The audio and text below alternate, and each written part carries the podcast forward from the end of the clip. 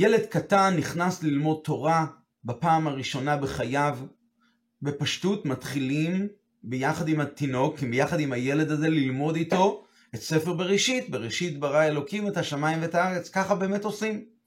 אבל מעניין שבפועל נוהגים, רגע לפני שמתחילים ללמוד איתו בראשית, דבר ראשון לומדים קטע בספר ויקרא. זה המנהג שהוא רווח עד היום, והוא כבר היה מאז תקופת המשנה והגמרא, להתחיל את הלימוד בפעם הראשונה דווקא בספר ויקרא פרשת הקורבנות. והשאלה היא למה? כך נאמר במדרש ויקרא רבה בשם רבי אסי. מפני מה מתחילים לתינוקות בתורת כהנים ואין מתחילים בבראשית? למה לא להתחיל בבראשית? אלא, תשובה, שהתינוקות טהורין והקורבנות טהורין יבואו טהורין ויתעסקו בטהורין. כלומר, המדרש טוען שיש כאן איזשהו קשר בין קורבנות לילדים קטנים, תינוקות. טוב, התינוקות הם טהורים, אני מבין שהתינוקות הם טהורים, אין בהם חטא, אין בהם עוון, אבל מדוע הקורבנות מקבלים את התואר טהורים? הקורבנות הם מכפרים, ועוד, אבל הקורבנות הם טהורים דווקא? מדוע המדרש ככה, ככה מתאר את הקורבנות? אז יש כאלה מפרשים שרוצים לומר שהקורבנות הם מטהרים, הם גורמים לאדם להיות טהור. יש כאלה שאומרים שהקורבנות צריכים להיעשות בטהרה. אותם כהנים שהם מקריבים את הקורבנות, הם צריכים להיות טהורים. טוב, שני הפירושים האלה הם פירושים מעניינים, אבל קשה להלום אותם בפשט דברי המדרש. מה אומר המדרש? הקורבנות טהורין. מה משמע? הקורבנות עצמם הם טהורים. לא שצריכים להתעסק בקורבנות בטהרה, או שעל ידי הקורבנות אנשים נהיים טהורים. ומצד שני, איפה באמת מצאנו שהקורבנות עצמם מכונים בשם קורבנות טהורים? בדרך כלל הקורבנות הם תמימים. אם מדברים על הקורבן עצמו, הקורבן הוא תמימים, או מובחרים, שלמים, אבל למה טהורים? מדוע המדרש דווקא מכנה את זה בצורה הזו? אז מעניין שבאמת, כשאנחנו מעיינים קצת בדברי חז"ל, אז מצאנו באמת במקום אחד הלשון טהורים ביחס לקורבנות. הגמרא אומרת ככה, עד שלא הוקם המשכן, היה הכל כשירין להיקרב. בהמה, חיה ועוף, זכרים ונקבות, תמימים ובעלי מומין, טהורין, אבל לא טמאים. כלומר, הגמרא אומרת שלפני הקמת המשכן, עקרונית יכלו להקריב גם צבי, גם אייל, גם תרנגול, כל דבר שהוא לכאורה עוף טהור או חיה טהורה. אבל מרגע שהוקם המשכן, אז אפשר להקריב רק בהימות ורק מסוג של כבש או עז או אה, פר, פרה, ולא פרים בני בקר שניים, ולא מהחיות ולא מעופות טהורים כמו תרנגולים וכיוצא בזה. כך אומר, אומרת הגמרא. אבל כאן אנחנו רואים בגמרא שהגמרא קוראת שכל הקורבנות היו יכולים להיקרב בכל צורה שהיא, חיה, עוף, אבל בתנאי שהם יהיו טהורין ולא טמאים. אז מזה אנחנו יכולים להבין שלפני שהוקם המשכן, או יותר נכון לפני מתן תורה, הקורבנות, היה להם הגדרה, ההגדרה שלהם הייתה טהורים. קורבן הוא טהור, הוא, הוא קורבן שהוא טהור, כשר לאכילה, אז הוא טהור, וממילא אפשר להקריב אותו, והקורבנות קיבלו את התואר טהורים. האמת היא שלומדים, מאיפה באמת הגמרא לומדת את זה? מאיפה הגמרא יודעת שככה באמת היה המצב? לומדים את זה מהקורבנות שהקריב נוח. הגמרא אומרת ככה, מנהן מילי, מאיפה באמת יודעים שהכל כשירים להיקרב, שאפשר הכל להקריב? בעלי מומין, לא בעלי מומין. אמ, חיה, עוף, כל, הצור, כל הצורות, מנהן מילי, מנהן המקור. אמר רב הונא, אמר קרא. ויבן נוח מזבח להשם, ויקח מכל הבהמה הטהורה, ומכל העוף, מכל העוף הטהור. זאת אומרת, שאנחנו רואים כאן שאצל נוח שהוא הקריב מהבהמה הטהורה, מהעוף הטהור, אנחנו לומדים שזה הלשון טהורין עוד לפני מתן תורה, אדרבה, דווקא לפני מתן תורה, התואר של הקורבנות לא היה שלימים, מובחרים, תמימים, מכפרים, לא. מה היה התואר שלהם? טהורים. עכשיו לפי זה נוכל אולי להבין את הדמיון לתינוקות של בית רבן שמתחילים ללמוד, שהם במידה מסוימת כאילו כמו קודם מתן תורה. בנקודה הזאת שהם לא באמת מחויבים באמת בקורבנות. הילדים לא מחויבים בקורבנות, ולכן הקורבנות אצלם זה כמו, כשהם לומדים על הקורבנות זה כמו המצב שהיה לפני מתן תורה, כאילו הם כמו נוח.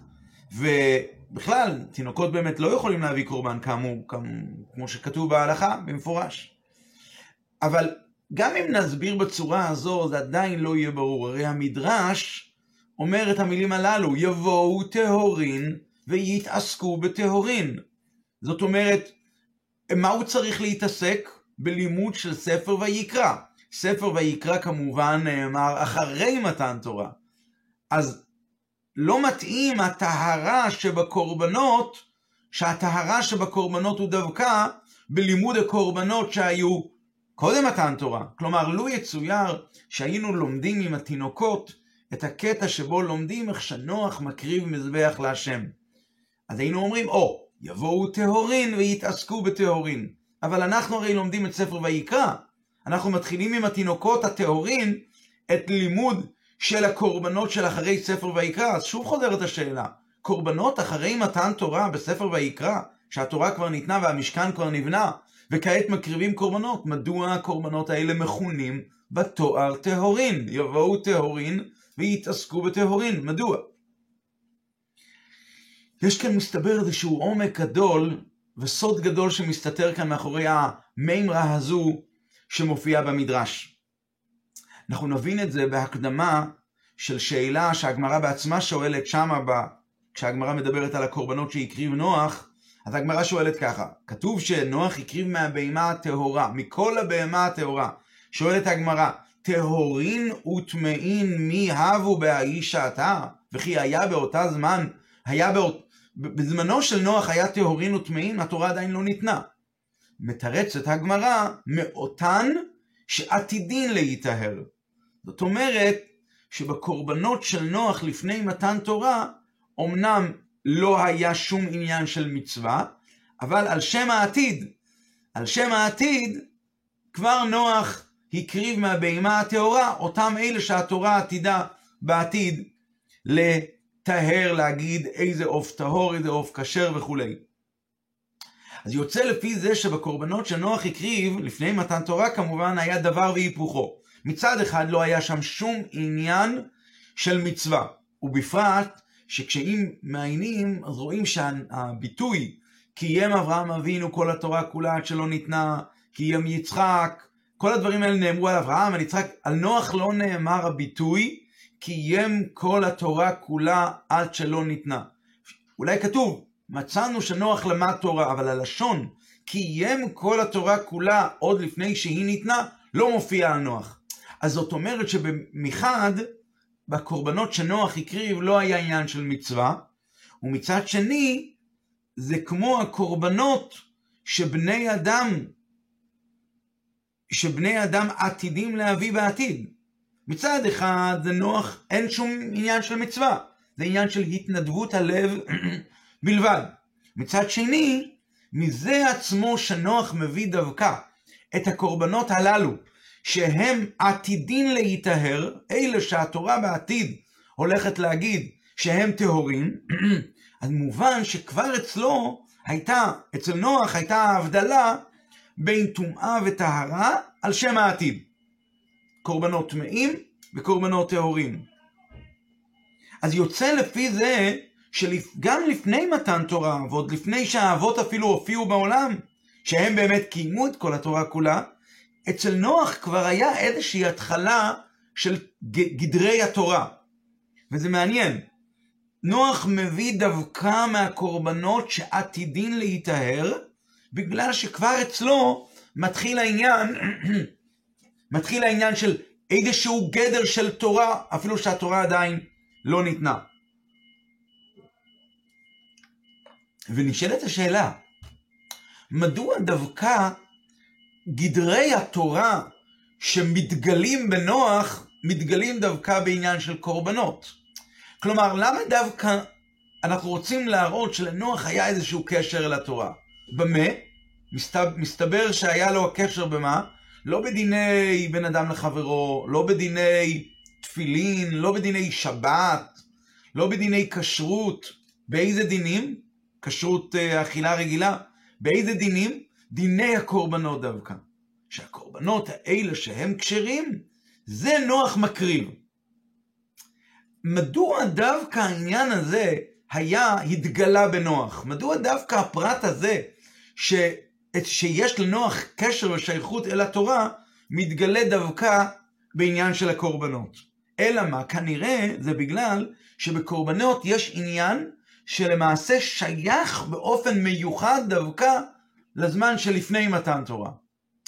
נכון, כמובן שהקורבנות זה מצווה שנכתבה בתורה אחרי שהתורה ניתנה, אבל יש איזשהו מימד מסוים בקור, בקורבנות דווקא, שמשוייך משוייך באופן ספציפי דווקא לזמן שלפני מתן תורה, וזה צריך להסביר את זה. אחד הביאורים הוא כזה, הקורבנות, גם הקורבנות שאחרי מתן תורה, שמשה רבינו מצווה, אדם כי יקריב מכם, אז כמובן הקורבנות הם חלק מתרי"ג מצוות התורה. מסתכלים בספר המצוות, במניין המצוות שהרמב"ם מונה, בין המצוות יש את, כמובן את מצוות הקורבנות. קורבן עולה, קורבן שלמים, קורבן חטאת, קורבן תודה, קורבן מנחת, מנחת אה, אה, חביתין וכולי, וכל המנחות, כל הקורבנות. וזה ממש אחד, חלק מהמצוות, זה מרכיב אפילו די גדול במצוות התורה, שלדאבוננו אין לנו היום אותם.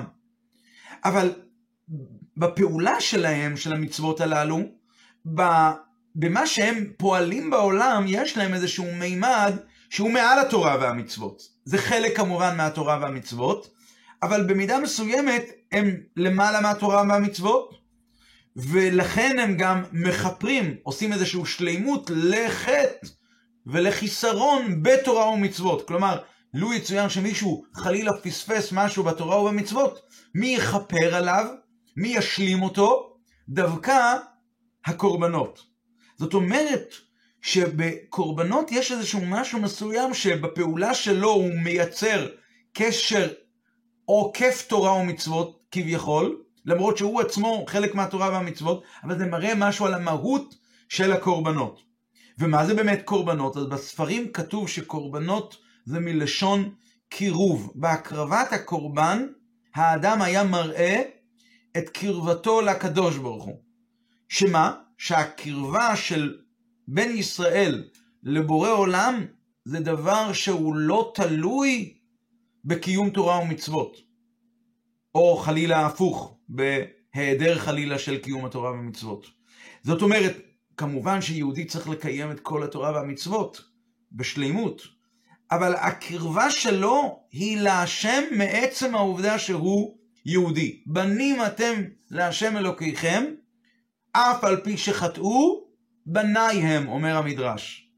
ולכן הקורבנות יש להם את הכוח לכפר על חטאים. כי מכיוון שבהקרבת הקורבן מתגלה כאן הקשר והשייכות שיש בין היהודי לקדוש ברוך הוא שהוא קשר שהוא מעל תורה ומצוות, אז בהתגלות של הקשר הזה שמתגלה בעקבות הקורבן, התגלה כאן הקשר. ולכן כשהקשר הזה מתגלה, מתחפרים ומתנקים הפגמים של החטאים. כמובן שיש את העניין של תשובה ויש עניין של קורבנות, זה שני עניינים, אבל זה הולך ביחד.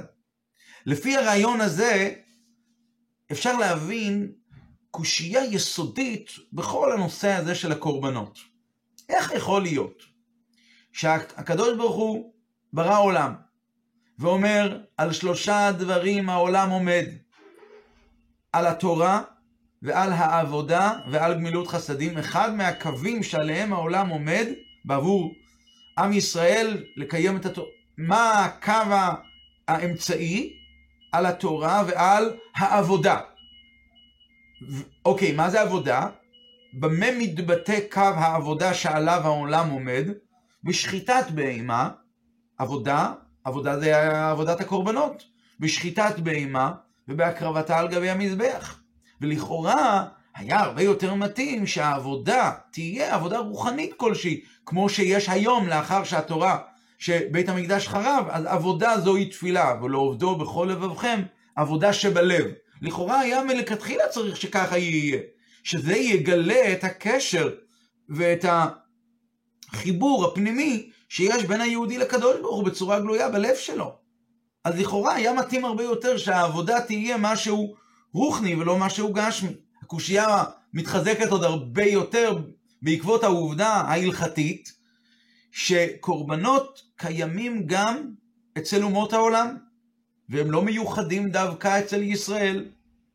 כתוב שאפילו בבית המדרש, בבית המקדש, היו הגויים באים ונותנים נדרים ונדבות כמו ישראל, כמובן שיש אה, אה, פרטים שונים בהלכה, מתי ואיך, באיזה צורה, אבל בעיקרון כן.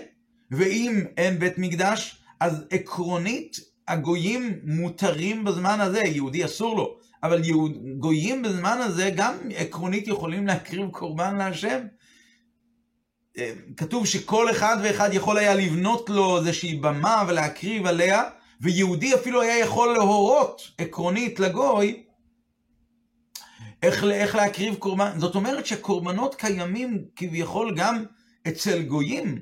דווקא כזה עניין עמוק ונפלא, לכאורה היה צריך להיות דווקא אצל ישראל ולא אצל בני נוח. בפועל זה קיים גם אצל בני נוח, וזה קשה מאוד להבין את זה. אבל לפי מה שאנחנו אמרנו מקודם, שההגדרה של קורבנות היא לגלות את הקשר העצמי שיש בין ישראל לאביהם שבשמיים, שהוא קשר שהוא מעל מעל הקשר שעל ידי תורה ומצוות, אז לכן זה מתגלה דווקא על ידי הקורבנות, שמהו החידוש שבקורבנות? החידוש בקורבנות הוא לא במעלות של בני ישראל, בעבודה של בני ישראל. לו יצויר שהעבודה של בני ישראל היה נטו עבודה רוחנית, אז היינו אומרים, או, oh, מה הסיבה לחביבות של ישראל? בגלל המיוחדות שבהם, לא שבהם מצד עצמם, אלא שבהם מצד העבודה שלהם, איזו עבודה נפלאה רוחנית הם מעצמם עושים ומתקרבים אל הקדוש ברוך הוא מצד עצמם. ו, ו, ופה אנחנו מגלים לא. אנחנו אומרים, הקדוש ברוך הוא בוחר בקורבנות של בני ישראל לא בגלל המיוחדות שבהם, אלא בגלל שהוא קורבן מלשון קירוב.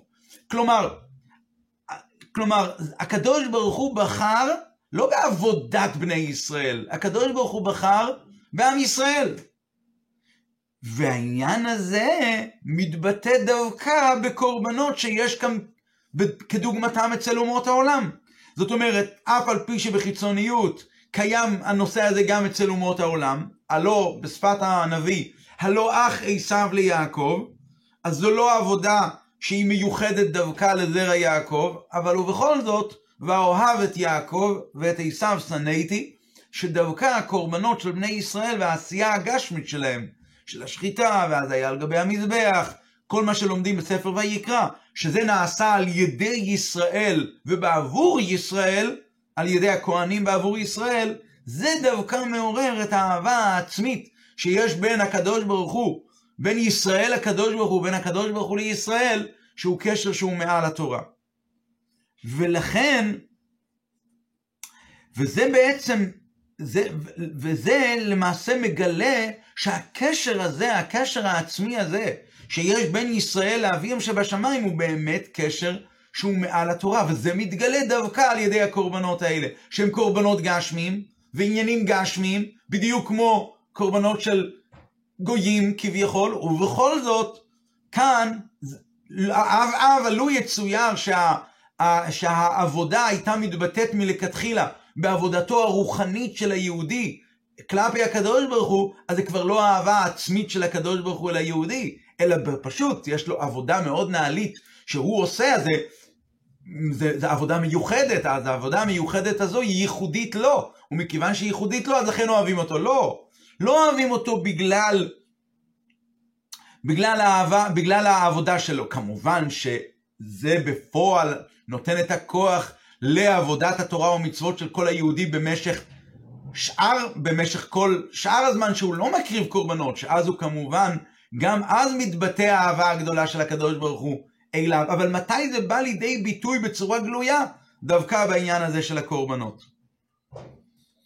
אחרי ההבנה היסודית של העניין הזה של הקורבנות, במהות של עבודת הקורבנות, נבין את הקשר עוד יותר בין תינוקות של בית, בית רבן שמתחילים ללמוד תורה, טהורים, לבין העסק של התינוקות של בן רבן, בית רבן הטהורים האלה בעבודת הקורבנות, כמו על שם ההקרבה שהייתה לפני מתן תורה. כמו שאמרנו מקודם, שהתואר טהורין בקורבנות היה בעיקר לפני מתן תורה. כלומר, הבנו בגדול מה זה הקורבנות, כעת נבין את הקורבנות שהיה לפני מתן תורה. נקודת הדברים היא כזו, בחלק הזיכרונות שאומרים בעת אה, מוסף של ראש השנה, מלכויות, זיכרונות ושופרות, אז בקטע של הזיכרונות אומרים ככה, וגם בין עשרת הפסוקים שמביאים הוכחות מהתורה לעניין של זיכרון, שהשם זוכר את עם ישראל, אז מביאים הוכחה מנוח, וגם את נוח באהבה זכרת. ודבר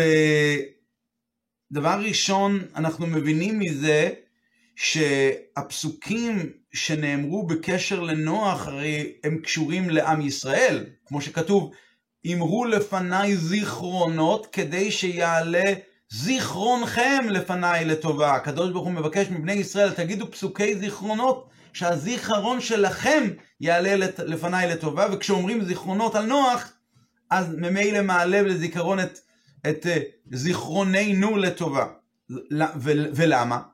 אז מוסבר בחסידות, באריכות, נקודת הדברים היא שהקדוש ברוך הוא זכר את נוח, הכוונה היא מצד עצם המעלה שיש בנשמות ישראל שכלולים ונמצאים בתוך נוח. וגם את נוח באהבה זכרת. זה האהבה הפנימית והעצמית של הקדוש ברוך הוא לנשמות ישראל. אז לפי זה יוצא דבר כזה, נוח הרי גם הקריב קורבן. אז למעשה הקורבנות שהם מבטאים, מה קורבנות, מה אמרנו מקודם? שהקורבנות מבטאים קירוב עמוק בין הקדוש ברוך הוא לעם ישראל ומגלה קשר שהוא עוקף אורייתא ולכן הוא מתקן ומכפר על הפגמים והעוונות והחטאים שנעשו על ידי האדם שעבר על דברי התורה חלילה. אז למעשה הקורבנות האלה שנוח הקריב הם מבטאים עוד יותר מכל הקורבנות את העניין הזה של ההתקשרות העצמית שיש לקדוש ברוך הוא לנשמות ישראל. למה? מצד אחד אנחנו מדברים כאן על הזמן שלפני מתן תורה ועוד לפני תקופת האבות. האבות הם כששומעים את המילה אבות מיד שומעים שיש להם תולדות, יש להם עם ישראל. האבות הם כבר זמן של ההתחלה של עם ישראל. כאן המדובר הוא על הזמן שעוד לפני ההתחלה של עם ישראל. וכבר שם היה, שי... היה זכירה והייתה שייכות מיוחדת בין הקדוש ברוך הוא לנשמות ישראל. ולכן, בתקופה הזו, ולכן אנחנו מבינים מדוע הקורבנות קיבלו את התואר טהורין. מה ש... אז דווקא, בזמן של נוח, מה שלא מצאנו בקורבנות שאחרי מתן תורה. מדוע? כי התוכן הפנימי של הקורבנות, מהו התוכן הפנימי? למה מקריבים קורבנות? מהי הנקודה? זוהי התגלות האהבה העצמית של הקדוש ברוך הוא לעם קרובו, לעם ישראל, והאהבה הזו היא אהבה כזו שהיא עומדת במקום גבוה ונעלה יותר מאשר האהבה שנוצרת בזכות קיום תורה ומצוות של עם ישראל. קיום תורה ומצוות של עם ישראל מייצר אהבה כמובן. נחת רוח לפניי שעשי, אמרתי ונעשה רצוני. האהבה שבאה כתוצאה מהקורבנות היא עוד יותר נעלית. והאהבה הזו, הזמן ההתגלות שלה, מתי הוא היה בצורה הכי חזקה, הכי עוצמתית, עוד קודם הזמן של מתן תורה, כשעוד לא היה לאהבה הזו שום קונטרה עם האהבה שבאה כתוצאה מתורה ומצוות. ואז דווקא נתגלה אצל הקורבנות של נוח, שנוח מקריב קורבן, מה מתגלה? מתגלה אהבה עוד יותר גדולה במידה מסוימת מאשר הקורבנות אחרי מתן תורה. הקורבנות שאחרי מתן תורה, מה הם? הם חלק מתרי"ג מצוות. אז הם מצווה. אז במילא לא ניכר כל כך המעלה הנפלאה שיש בהם כמו שהם מצד עצמם כשזה לא מצווה. זאת אומרת, ברור כמובן שגם כשיהודי מקריב לאחר מתן תורה קורבן בבית המקדש, אז כמובן שמתגלה כאן אהבה, ואין שום הבדל בין האהבה שמתגלה על ידי הקורבנות של נוח לאהבה שמתגלה על ידי שיהודי מקריב קורבן בבית המקדש אחרי מתן תורה. אבל מכיוון שבקורבנות שאחרי מתן תורה יש עוד אהבה, יש כאן עוד איזשהו מעורב כאן, איזשהו עניין שיש כאן קיום מצווה, השם ציווה ויהודי קיים, וכתוצאה מזה נוצר אהבה, אז לכן לא ניכר כל כך בצורה גלויה בקורבנות שאחרי מתן תורה, האהבה העצמית הזו, כמו שהיא הייתה בצורה יותר גלויה ויותר ברורה בקורבנות של נוח. בעת שנוח הקריב את הקורבן, זאת לא הייתה מצווה. ואז דווקא זה מאיר ובולט הרבה יותר האהבה העצמית. לכן הקורבנות בזמן של נוח קיבלו את הכינוי טהורין. ומעניין, למה? על שם הבהמות שעתידין להיטהר בעתיד. ואחרי מתן תורה הם כבר לא מקבלים את התואר טהורין.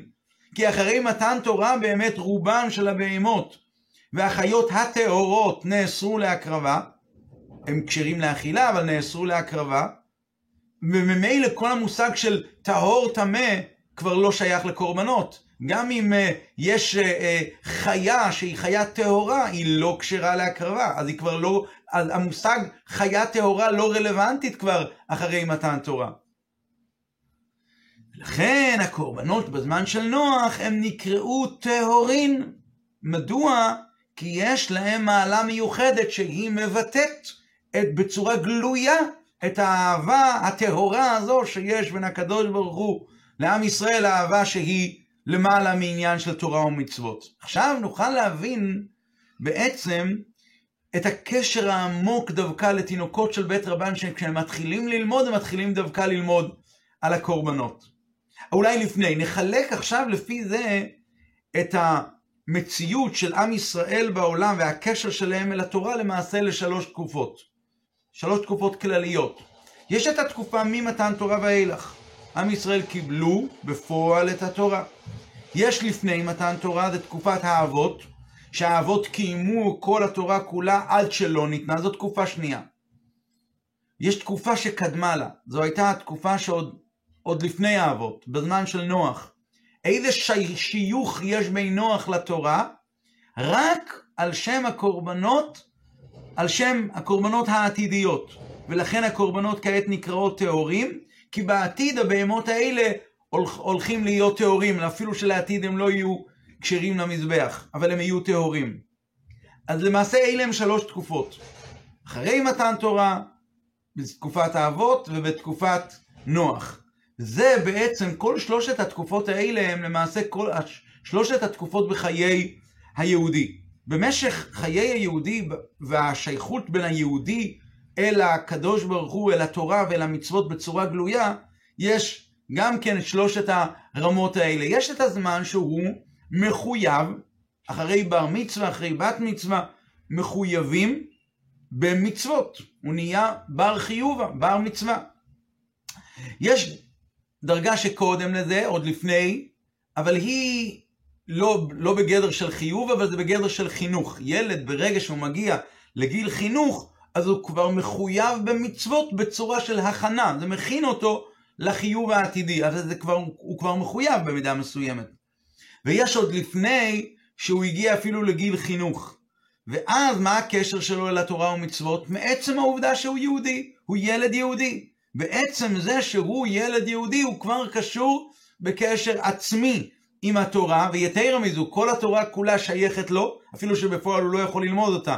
אבל הוא אומר, והוא לא רק הוא אומר, ככה זה גם בפועל, תורה ציווה לנו משה מורשה קהילת יעקב, התורה היא ירושה לקהילת יעקב, ירושה, יורש, תינוק בן יומו, עקרונית הוא יכול, אם זה המצב, הוא יכול לרשת את כל נכסי אביו, אפילו שהוא רק תינוק בן יומו. אז זה למעשה התקופה שלפני שילד מגיע לגיל חינוך, אז מתגלה דווקא הקשר העצמי שלו אל הקדוש ברוך הוא אל ואל התורה והמצוות. ומכיוון שהרי בתור בילד קטן לא שייכת. בילד קטן כזה לא שייכת התורה והמצוות בפועל, אז לכן דווקא בתקופה הזו, של, בתקופת החיים הזו של הילד הקטן, דווקא אז ניכר בצורה גלויה האהבה העצמית של הקדוש ברוך הוא אליו, כמו שנאמר, כי נער ישראל ואוהביהו. לכן אומרים יבואו טהורים ויתעסקו בטהורים, מכיוון שהעניין של הקורבנות זה לגלות את האהבה העצמית מהקדוש ברוך הוא לעם ישראל, והאהבה הזו היא אהבה של מעל תורה ומצוות, ולכן הקורבנות נקראו כאן טהורים להורות על אותם קורבנות של נוח, שהם קדמו עוד לפני הזמן של התורה וקדמו עוד לפני הזמן של האבות. ודווקא אז היה וגם את נוח באהבה זכרת. הקדוש ברוך הוא זוכר את עם ישראל בצורה של אהבה עצמית, בלי קשר לציוויים שלהם ולמה שהם הצטוו או למה שהם עשו מצד עצמם. אז יבואו טהורים, תינוקות של בית רבן, שעוד לא הגיעו לגיל חינוך, שבדרך כלל זמן החינוך, זמן התחלת הלימוד של ילד הוא על פי מנהג ישראל אפילו אצל ילד קטן, עוד לפני שהוא הגיע לגיל חינוך. אבל הם טהורים בעצם. ומכיוון שהם טהורים בעצם, ולמה הם טהורים בעצם? כי השייכות שלהם לאלוקות, לקדוש ברוך הוא, היא במקום כזה שאין שם שום תפיסת מקום לעניין של טומאה וטהרה, לא רק בגלל שאין להם עניין של חטא ועוון והם לא טעמו טעם חטא, אלא גם בגלל שהם טהורים בנקודה, בנקודה הזו שאז ניכר, דווקא אז ניכר אצלם בצורה גלויה האהבה העצמית של הקדוש ברוך הוא לעם ישראל, זה באמת ככה. ולכן, כמו שרואים בפועל, שילד קטן שמתחיל ללמוד את פרשת הקורבנות, אז הוא אומר את זה וחוזר על זה, הוא לא ממש מבין את זה, והוא בכלל אפילו לא מבין את זה, כי מה נוגע כאן? נוגע כאן קריאת התורה שיקרא את דברי התורה בלי שום הבנה ובלי שום תפיסה. מדוע? כי כאן מתגלה הקשר העצמי והפנימי שיש בין יהודי לבין הקדוש ברוך הוא. זה, זה למעשה הסיבה שבפועל עד היום הזה מתחילים ילדים ללמוד את התורה ואת המצוות, ללמוד וללמוד תורה דווקא בקטע הזה של הקורבנות שאחרי מתן תורה, כי הם מבטאים את העניין הזה. ולפי זה נבין דבר מעניין נוסף. יש אה,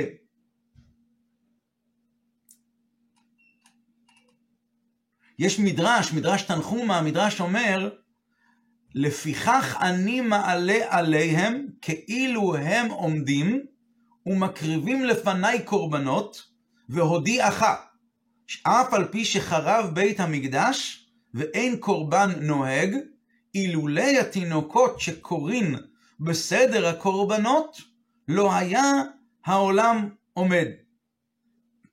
כלומר, המדרש כאן אומר שאילולי התינוקות קורים בסדר הקורבנות, לא היה העולם עומד. מה, מה מוכרחים להסביר?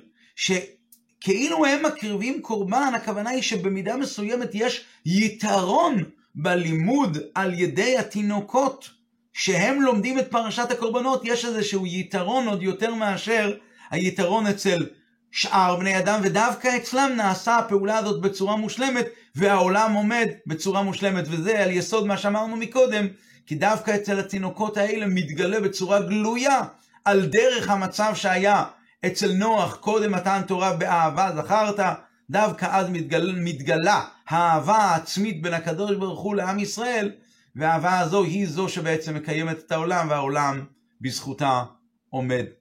שבוע טוב, שבת שלום ובשורות טובות.